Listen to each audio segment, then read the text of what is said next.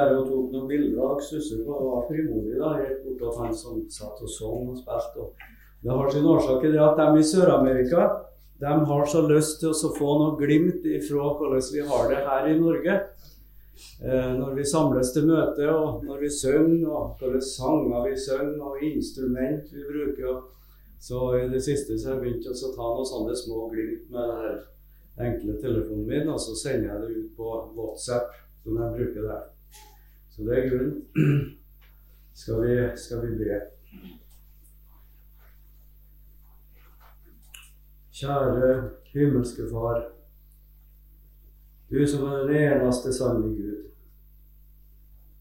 Og du som har gitt din eneste enbårne sønn, Jesus Kristus, til vår frelse. Og du gode, hellige ånd, vi ber i ditt treenige navn at du må komme og være blant oss. Gjennom ditt ord. Ja, vi har løfte på det. Ja, vi takker deg, Jesus, for at dine løfter dem er sanne. Og så får vi tro at du er her. Og så må du gi meg ord å gå med, og jeg ber om at ordene må nå inn til våre hjerter og til mitt, som står her. Vi ber i ditt navn. Amen. Vi skal ta oss tid til å lese igjen avsnittet vårt. Jeg tror jo mer vi leser om igjen og om igjen, så får det synke inn i våre hjerter. Vi skal da lese i, i dag fra kapittel 14 i Johannes evangeliet og de seks første versene. I Jesu navn. La ikke deres hjerte forferdes. Tro på Gud og tro på meg. I min fars hus er det mange rom. Var det ikke slik, da hadde jeg sagt dere det.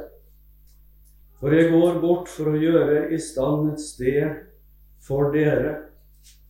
Og når jeg er gått bort og har gjort i stand et sted for dere, kommer jeg igjen og skal ta dere til meg, for at også dere skal være der jeg er. Og dit jeg går, Vet dere veien? Thomas sier til ham, Herre, vi vet ikke hvor du går hen. Hvordan kan vi da vite veien? Jesus sier til ham, Jeg er veien og sannheten og livet. Ingen kommer til Faderen uten ved meg. Da Jesus presenterte seg for Moses, eller da Herren presenterte seg for Moses, så var det jo under det navnet 'Jeg er'. Jeg er den jeg er. Det samme navnet presenterte Jesus seg med i Getsemanehagen da de kom der med våpen og fakler og stokker for å ta Jesus. Hvem leter dere etter? Og så presenterer han seg 'Jeg er'.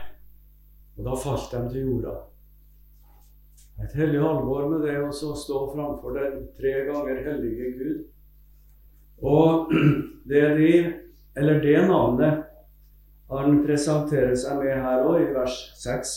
Jeg er veien. Jeg er sannheten, den eneste. Jeg er livet, det virkelige livet. Og i formiddag så skal vi si litt mer om det her livet.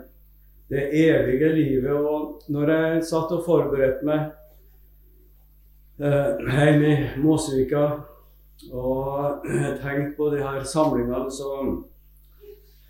var det mest med henblikk på det at vi skulle finne veien, eller få åpenbart veien, på en sånn måte at vi òg samtidig fikk hjertet vårt festa på noe lenger fram, nemlig himmelen. Vi er pilegrimer på vei. Ja, det er vanskelig i verden. Det må vi erkjenne. Men vi har et mål. Og så gjelder det nå i denne tid å få festa blikket på Jesus. Eller skal vi heller si det sånn at han får festa våre blikk, at han får åpenbare seg for oss. Så vi får se Han. For uh, får vi et møte med, med Jesus, den oppstandende, han som har gjort ferdig alt det som skal gjøres til vår frelse, og få hvile i det, ja, det er noe spesielt. Det er sånn som de sier i Sør-Amerika nå når eh, de som har fått lest litt i Rosenius og Husanas-boka Slaver som de har vært tidligere under lovgjerninger og ja, må vel si katolisismens påvirkning. Og så møter de evangeliet, denne underlige boka, og så kan det hende at enkelte kommer tilbake og sier Ei underlig bok. Aldri lest noe sånt. Nå endelig har jeg funnet fred. Nå har jeg funnet hvile i det som Jesus har gjort. Han har jo gjort alt. Er fryd hver gang det skjer. Jeg har nevnt det før. og han Baptistpastoren som, som, kom etter å ha hatt boka en, en måned mellom hendene sine. Han sannsynligvis brukte henne flittig. Og så kommer han tilbake på kontoret en dag i, i Sokre og snakker med våre medarbeidere. og der René og Gonzalo Nå har jeg funnet hvile. Jeg har doktorgrad i teologi. Vært pastor i mange år. Jeg har aldri sett det sånn før. Hvilken mann er det der? Det står i forordet en, en svenske, og så levde han på 1800-tallet. Og så må de forklare at jo, det var et vekkelsens barn. Og tenk du, så har denne karen fått se inn i evangeliet gjennom ei bok som var skrevet i bøker en gang. Eh, han skrev jo betraktninger og stykker i bladet Pietisten, og så er det jo etterpå det samla og redigert som bøker. Det var det som var mitt ønske òg med, med de timene jeg skulle få ha her. Jeg har grua meg. Kanskje mer enn noen gang før. Jeg vet ikke om det er alder eller om det er omstendigheter som gjør det, men jeg har vært så urolig med tanke på dette møtet. Og det som du har nevnt til, til åpning, det er en åndskamp. Men da gjelder det at vi får se det vi arme, ynkelige kryp. At vi er født og skapt og kalt til noe langt, langt mer. Noe mer herlig. Og så begynte jeg å tenke på de små larvene som drar og kryper i gruset. Hårete de er ikke så, fæl, er ikke så fine å se på. Fæl kan de være. Larver ser vi for deg. Vi kan bruke det som et bilde på oss, da. Og så kommer det en tid så må de inn i det her puppehulstret. Det er akkurat som du blir, du blir lagt i ei grav, på en måte. sant? Og hva skjer etterpå? Plutselig så flyr det ut den flotteste og fineste sommerfuglen. Ei total forvandling. Jeg tror det er et bilde Hva hvordan det skal bli for oss å komme til himmelen. På den ene, tida så, ene sida så skal vi kjenne igjen hverandre, det tror jeg. Eh, sånn som eh, Emmaus-vandrerne fikk åpenbart Jesus òg. Først var det skjult for dem, men fikk de se hvem han var. Og jeg tror at vi skal kjenne igjen hverandre i, i himmelen. sjøl om vi blir forvandla. Nytt herlighetslegeme. Kjære venner, må ingen av dere, verken unge eller eldre, bli stående utafor. Og jeg tenker for min egen del, du Ingar, du må holde på en stund til. Det er noe lenger fram. Det må vi ikke glemme. Himmelen for Guds folk, for Guds nådebarn. Og så er det nåde hele veien. Jeg syns det er så fint. Jeg har formulert som eh, emne i formiddag Jesus, og så et skråstrek det evige liv. Ikke bare sånn at han gir livet, han, han er det, og han gir det òg. Han er sjølve livet. Og Nå skal vi slå på i 1. Johannes brev, kapittel 5, vers 11. Og vi leser til og med 13. Første Johannes brev 5. Skal vi se om jeg flytter litt på en bilde her som lå i veien. Sånn.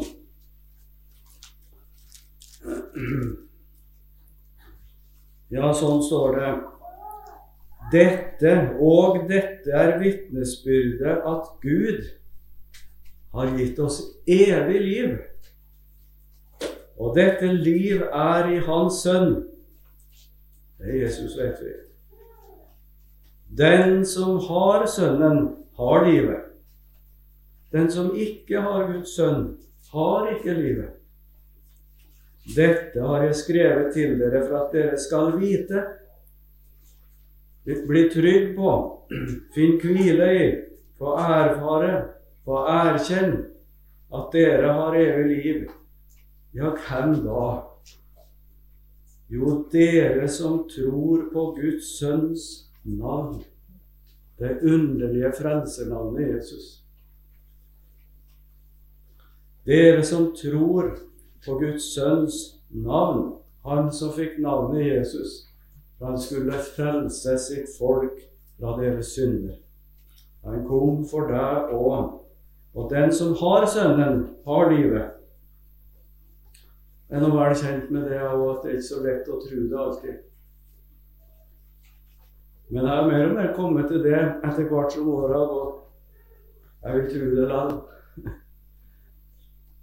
Jeg vil tro det likevel. Selv om det ikke alltid er så lett å få tak på det.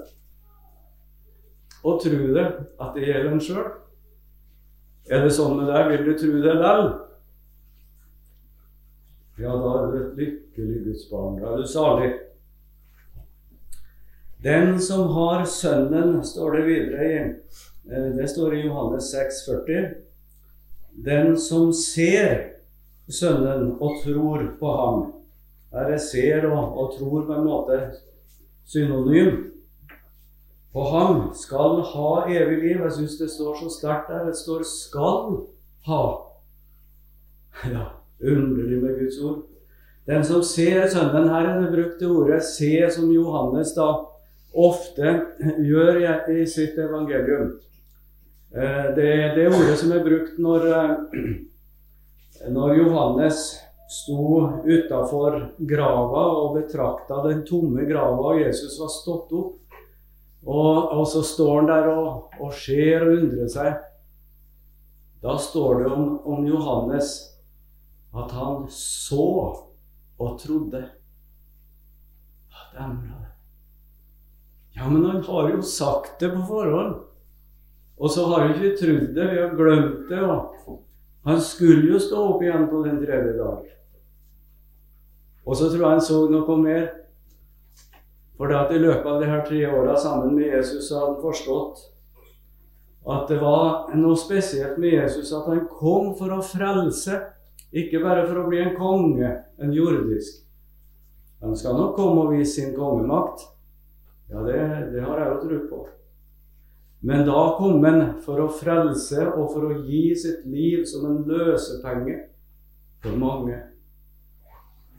Den som ser Sønnen, eh, du som eh, har sett det At ja, men eh, det må jo være sant, det her med Jesus og det som står i Bibelen. Og så og så sier du det. Ja, det her vil jeg òg tro. Jeg kan ikke være det foruten. Og så betrakter du det, og så begynner du å bla i Bibelen.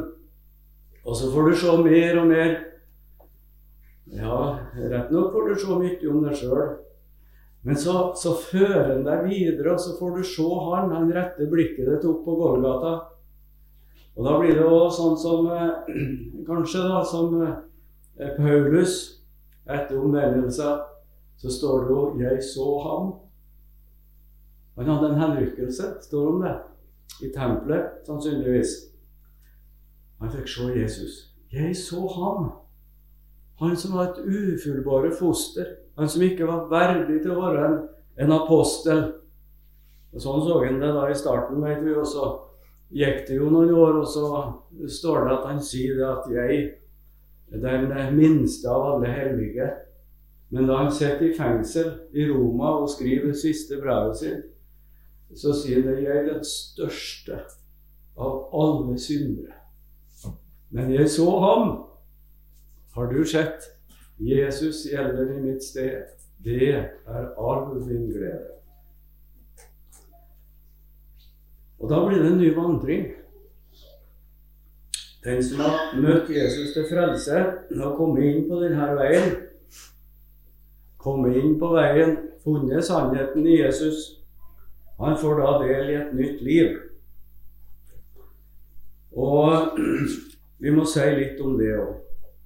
Den samme apostel Johannes han skriver i Johannes Johannes 17,3 i den ypperste prestelige bønn, står det og dette er det evige liv, at de kjenner deg, den eneste sanne Gud, og gjennom altså ham du utsendte Jesus Kristus. Det hadde vi som motto disse, på seminaret i Peru de åra jeg var der. Dette er det evige liv, at de kjenner deg. Å bli kjent med Jesus, den eneste sanne Gud, gjennom Han du utsendte, Jesus Kristus. Jeg tror ikke på slump at uh, det her står uh, mot slutten av Jesu jordeliv, når han taler til disiplene sine. Det var noe spesielt han ville meddele dem her nå på slutten. Og Hvis vi tenker på avslutninga av den siste talen og denne bønna, da, som vi gjerne kaller den ypperste prestelige bønnen Eh, da Jesus var her på jord, så, så ser vi på en måte det som var Jesus' siste vilje for disiplene sine. Og vi kan godt si for Guds folk, du som er Jesus til. Nå skal vi lese litt derifra versa 24 til 26. Johannes 17.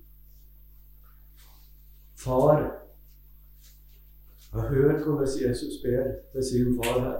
Far, jeg vil at de som du har gitt meg, skal være, bli værende hos meg, der jeg er, for at de skal se min herlighet som du har gitt meg, fordi du elsket meg før verdens grunnvoll ble lagt. Og det her er enda mer enn den herlighet som de tre av de utvalgte disiplene fikk se på Forklarelsens berg da de så Jesus. For her taler Jesus om den herlighet som de skal få se i himmelen, for at de skal få se min herlighet som du har gitt meg, fordi du elsket meg før verdens grunnmål ble lagt. Rettferdige Far, verden har ikke kjent deg, men jeg har kjent deg, og disse har erkjent, altså kommet til tro på, sett og erfart, at du har utsendt meg. Og jeg har kunngjort ditt navn for dem, og skal fortsatt kunngjøre det. og så må du legge merke til For at den kjærlighet som du elsket meg med, skal være i dem, og jeg i dem.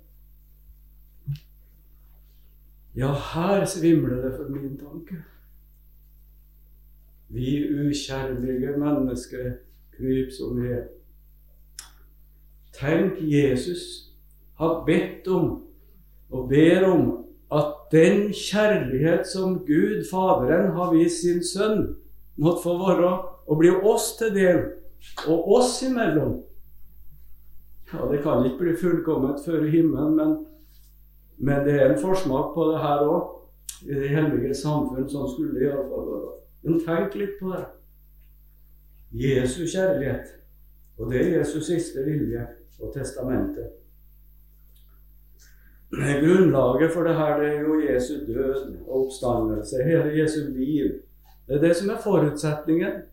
Det er det som er grunnlaget for vår frelse. Og så er det da at vi ved trua på Han, på Jesus, så er vi frelst. Vi er frelst ifra død. Går igjennom døden til livet, da. Et Guds barn. Når døden banker på døra, ja, så er ikke den siste endestasjonen for oss. Nei, da er vi på vei hjem til himmelen. Ved trua på Jesus er vi frelst ifra død, ja, ifra dom òg, du som har gått gjennom dommen her i livet. Og erkjent de faktiske forhold uten å skjule noen ting. hvem du er. Og så er nå Så har vi ved trua på Jesus alt når sykdom og nød rammer oss og plager oss. Han er der alt. Han fører oss ikke utenom, som vi ofte sier, men igjennom det. Eh, det er mye vi kunne ha sagt her om det, men det, jeg ble minnet om å ta fram eh, noe mot slutten av denne talen som eh, vi kanskje ikke snakker så mye om. Men, og ikke skal jeg gå grundig inn på det heller, men bare noen få ting, noen glimt. Nemlig hva skjer med den troende etter døden? Hva skjer med oss? De kjære som har gått foran oss, hvor er dem hen nå? Og, og hvor med meg som engstes for døden, men lengter etter å komme til Jesus Ja, hva skal skje med meg hvis jeg får, får dø i trua på Jesus? Og Her kunne vi ha sagt mye om den som ikke får dø i trua på Jesus, hvor alvorlig det blir. Skal komme så vidt inn på det. Ja, hva skjer egentlig i Bibelen om det her? Hva skjer med oss etter, etter døden? Vi nevner bare noen få punkt. Røveren på korset fikk jo høre sannelig i dag skal du være med meg i paradis. Det står i Lukas 23. Det har vi hørt tidligere og her på stevnet. Og den rike unge mannen, det har vi også hørt, slo sine øyne opp etter døden, og da var han i dødsriket.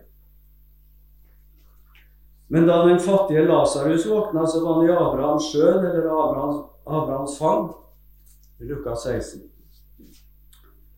Og så står det et ord i Filipperne igjen, 21-24. Det er Paulus som, som skriver et trøsterikt avsnitt i vår bibel. For meg er livet Kristus og døden en vinning. Men dersom det at jeg lever i legemet, gir frukt av mitt arbeid, da vet jeg at da, da vet jeg at ikke vet jeg ikke hva jeg skulle velge. Jeg kjenner meg dratt til begge sider. Jeg har lyst til å bryte opp herfra og være med Kristus. For det er så mye, mye bedre. Men av hensyn til dere er det mer nødvendig at jeg blir i legemet. Paulus taler altså om at vi skal være med Kristus. Og Det ser ikke ut som det skal gå noen lang eh, tid, noen sånn dvaletilstand på en eller annen måte, men, men være med Kristus. Og i dag skal du være med meg til paradis, til krøven her. Men det kan jo se ut som at det er en slags mellomtilstand eh, bli med til paradis, og så venter det en himmel etterpå. Eh, vi ser det kanskje for oss sånn. Gjør du det? Og når vi taler om dødsriket for de ufrelste, ja, så skal de òg havne i den evige fortapelse, den evige ild, står det.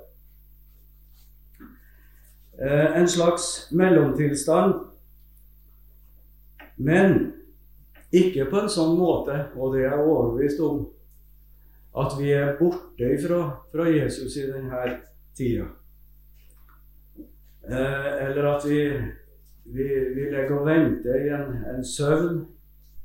Ja, det er mange måter å se det her på, men eh, i alle fall må vi ta avstand fra den tanken som eh, er så veldig vanlig i Sør-Amerika, der vi har oppholdt oss, det med skjærsilden. Og jeg skal si dem, eh, de strever på, etterkommerne, da, Sett fram mat og drikke på grava etter dem er døde, og for å gi dem en kveik. Og, og ikke minst på alle helgens dag. Og da, da, betaler de kanskje noen guttunger der som er villige til å be for de døde. Og de er jo ivrige på å tjene seg noen kroner, ikke sant? Og, og, og så er det om å gjøre å få flest mulig aktivitet og be for de døde. Få dem gjennom skjærsilden. Få dem igjennom sånn at det går godt til slutt. Det er en tanke vi tar avstand ifra. Men så kan vi merke oss at i Åpenbaringa 7 der tales det Og da, da, er jeg tilbake til det her med forholdet paradis og, og himmel. Eh, I åpenbaringa 7 så tales det om den store, hvite flokk. Hvis vi slår opp der i kapittel 7, som nevnt, ja, vers 7 er det vel. Vi kan jo lese eh, vers 9. Ja. Deretter så jeg, i 7.9, og se en stor skare som ingen kunne telle, av alle folkeslag og stammer og folk og tungemål. De sto for tronen og for lammet, kledd i lange, hvite kjortler og med palmegrener i sine hender, og de ropte med høy røst og sa:" Frelsen tilhører vår Gud, Han som sitter på tronen, og lammet. Vi kunne ha lest videre og nedover. For hans trone, leste vi, tjener han dag og natt i hans tempel. Men merk deg at det her synet i kapittel 7 i åpenbaringsboka, det kommer før at Bibelen beretter mer for oss om den nye himmel og den nye jord i kapittel 21. Vi leser derifra òg noen få vers fra vers 1. Og jeg så en ny himmel og en ny jord, for den første himmel og den første jord var veket bort, og havet er ikke mer. Og jeg så den hellige stad, det nye Jerusalem, stige ned ut av himmelen fra Gud, gjort i stand som en brud som er prydet for sin brudgom. Fra tronen hørte jeg en høy røst som sa, Se, Guds bolig er hos menneskene. Han skal bo hos dem, og de skal være hans folk. Og Gud selv skal være hos dem og være deres Gud. Ja, vi stanser der. Da melder det seg fort kanskje noen, eh, noen spørsmål når vi taler om det her. De døde i, i paradis, eh, som det står om i det første kapitlet vi, vi leste, som eh, mange fortolkere ser det, og, og deler det synet. Eh, de døde i paradis har jo ennå ikke blitt framstilt for dommen.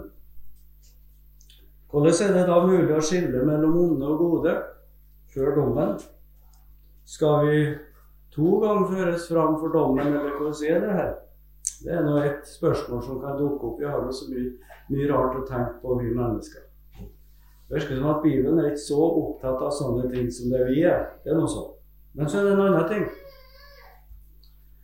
Eh, det virker jo her da som de ikke ennå har fått sine nye legemer. For det skjer jo etter den siste basun. Basunene ligger her imellom, ikke sant? det som vi har, har lest fra åpenbaringa.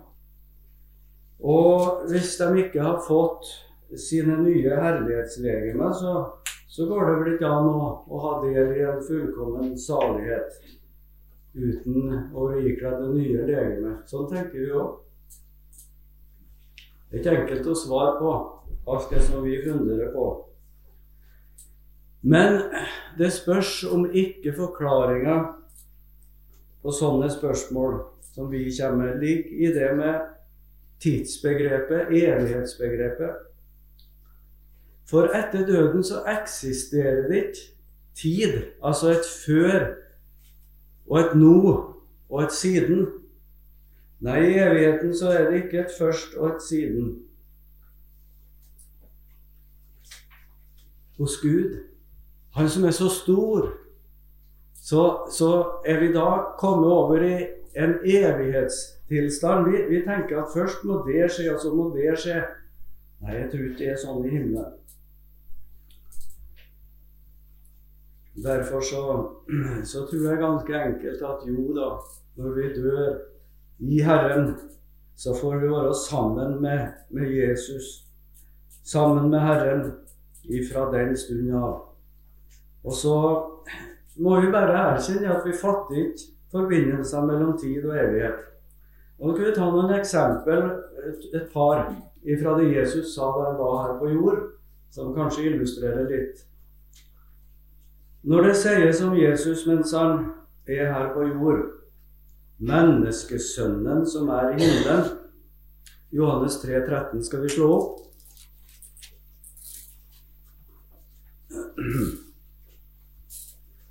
Johannes 3, 13.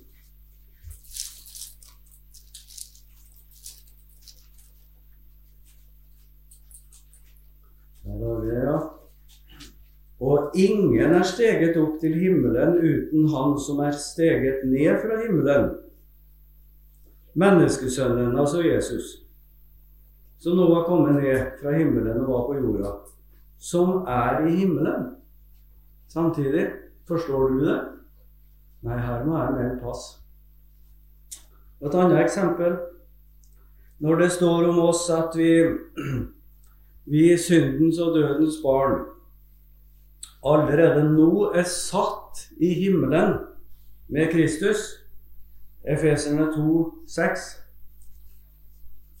Skal vi slå opp der òg? Efeserne 2, 6. Han oppvakte oss med ham, altså med Kristus, og satte oss med ham i himmelen i Kristus Jesus for at han i de kommende tider kunne vise sin nådes overveldende rikdom i godhet mot oss i Kristus Jesus. Er du klar over at du er satt i himmelen med Jesus Kristus allerede nå? Har du grunna på det? Tenkt på det? En sannhet, det, ifølge Guds ord. Ja, men jeg er jo her på jorda. Ja. Vi kan ikke forstå alt som står i Guds ord, men vi tror det. Tidsbegrepet og, og det her eh, skulle til si hvor vi befinner oss hen, altså. Det er andre regler, en annen virkelighet i himmelen. Så må vi mer pass og ydmykt bøye oss for Bibelens sannheter. Og vi skal ikke grave oss ned i sånne finurlige spørsmål. Og det var heller ikke min tanke, men jeg nevner det bare for å vise hvor stor Gud er.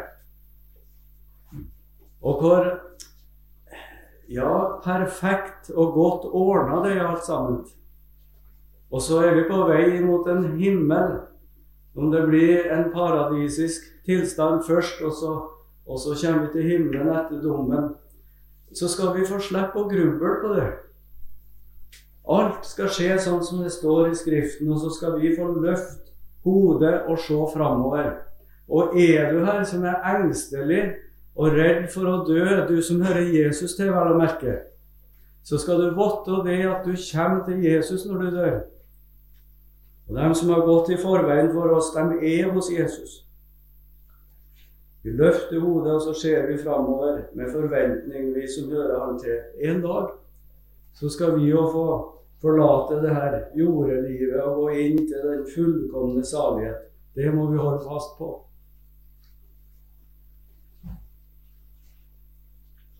så var det min hensikt med de her tre timene For det første at du, om du står her på valg, som det har vært nevnt nå, ikke må unndra deg å gå fortapt, sånn som det står i Hebreerbrevet. Men at du er av dem som lar deg frelse, at du kommer inn på veien, den veien som fører til himmelen. Og så kan du tenke litt på det, at du allerede nå er satt i himmelen med Jesus Kristus. Og så en dag skal du få se det når du kommer dit. Hvis det blir, og Jeg undrer meg på hvordan det blir. Jeg, det har sikkert med alderen å gjøre, det òg. Eh, når man blir pensjonist, så Ja, hva skal det bli? En tenker mer og mer på det. Men samtidig så klinger det med Men når du fram? Den hellige veven jeg tror det må være sånn, for ellers ble vi likegyldige. Og så må jeg få ta med til slutt Vi er satt i himmelen med Jesus Kristus, men mens vi er her på jorda, sånn som Paulus Han hadde en oppgave å gjøre her. Vi kan ikke måle oss med Paulus, men det stokk i meg når jeg las eh, igjen. Uh, har vi tatt fram uh, ved kilden av Øyvind Andersen igjen. Vi har ofte brukt den kanskje oftest. Jeg må erkjenne at enten jeg glemte, glemt det, eller så, så har jeg ikke lagt merke til den andakten som sto i eh, altså 3. august. Og jeg skal lese en del av den nå. For det har egentlig med det her livet å gjøre. Og oppgaven som vi har mens vi er på jord. Vet du hvor han sier og skriver? Du har kanskje lest det, du òg. Det er ikke lenge siden, 3. august. Det går ikke an å tro evangeliet uten samtidig å være kommet i evangeliets tjeneste. Det er en del av livet, det. De som tar imot evangeliet, men ikke stiller seg til, tjeneste, eh, stiller seg til Herrens tjeneste Nå må du merke deg. Det var det som stokk i meg. Vil ikke klare å ta evangeliet til seg i det lange løp. Evangeliet mister sin kraft for dem. Det blir som en teori og kunnskap. Er du ikke med i noe arbeid for å utbre evangeliet, og setter du ikke deg selv til side for at andre kan få del i frelsen, går det galt med ditt gudsforhold. Da blir du snart opptatt av å hevde deg i denne verden. Prestisje, statussymboler, hus, hytte, bil og klær og mye annet blir dine interesser. Hjertet blir mer og mindre og merk deg det òg hjertet blir mer og mindre utilgjengelig for Guds ord. Og etter jeg har lest det der i dagene som har gått siden den 3. august og fram til nå, så har jeg gått og tenkt litt på det. Vi må vel erkjenne at det er lite misjonsinteresse, og vi kan også si vitnetrang eh, her i vårt land, sånn som det var før. Eh, jeg er såpass gammel jeg òg at jeg husker på noen vekkelser. Jeg husker på du, Bjørn, kom òg sammen med Bjørnar Strøm til da jeg gikk på gymnaset ute i, i Orkdal. Mye ungdom som ble med. Det ble flere møter. Og jeg har nevnt det før, og samme Bjørnar kom til, til Stjørdal og ble stående i tre måneder. Jeg gikk siste året på realskole. Ja, det er lite av det. Men samtidig, den gangen, så var det mer syn for misjon. Og på 70-tallet det var på hundrevis av misjonærer som reiste ut fra det lille Norge ut rundt omkring i verden og vitna om Jesus. Enda da for ikke å snakke om Kinamisjonen tidligere år. Hvordan er det i dag? Ja, tenk litt på det. Mon tro om ikke det er rett, det som vi har sittet her fra denne andakten, at det er en viss sammenheng. Frafallet er vel det som kommer først. Og da blir det ikke noe misjonstrang og og iver for å nå ut med evangeliet heller, for det blir så dunkelt for en sjøl at det ikke er noe trang til å dele det videre. Jeg syns det var rett å ta med det her som en, si, en oppvekker til oss alle. Ikke fordi at vi skal prøve å snu på det og ta oss sammen. Det hjelper ikke. som men vi må inn til Guds ord og rope og be om nåde, og be om at Jesus åpenbarer seg i ordet, så vi får se, sånn som disiplene. Vi kan ikke la være å tale om det vi har sett og hørt. Det fikk bli fengsel og tortur og slag, men vi kan ikke la være. Og så kan vi få lov å be den bønna. Kjære Jesus. Må du ta Din hellige ånd ifra oss. Må du drive arbeidere ut til din høst. Må du gjøre oss til menneskefiskere. Ja, Jesus, at vi som, som Peter, som vi har hørt om i løpet av denne samlinga, som, som sa 'gå fra meg, jeg er en syndig mann', men så, så endte ikke opp der. Han bar nok det med seg. Kjære Jesus, du som åpenbarte deg, og så kom Du vet alt, du vet jeg har deg kjær, og så ble menneskefisker. Må du gjøre også til sånn. Om ikke i den målestokk, Jesus, at vi kan få bære med oss vitnesbyrdet om at frelsen er fullført. Det er gjort alt det som gjøres skal. Og så innbyr flere til å komme inn i dette riket. Forbarm deg over oss, Jesus. Amen.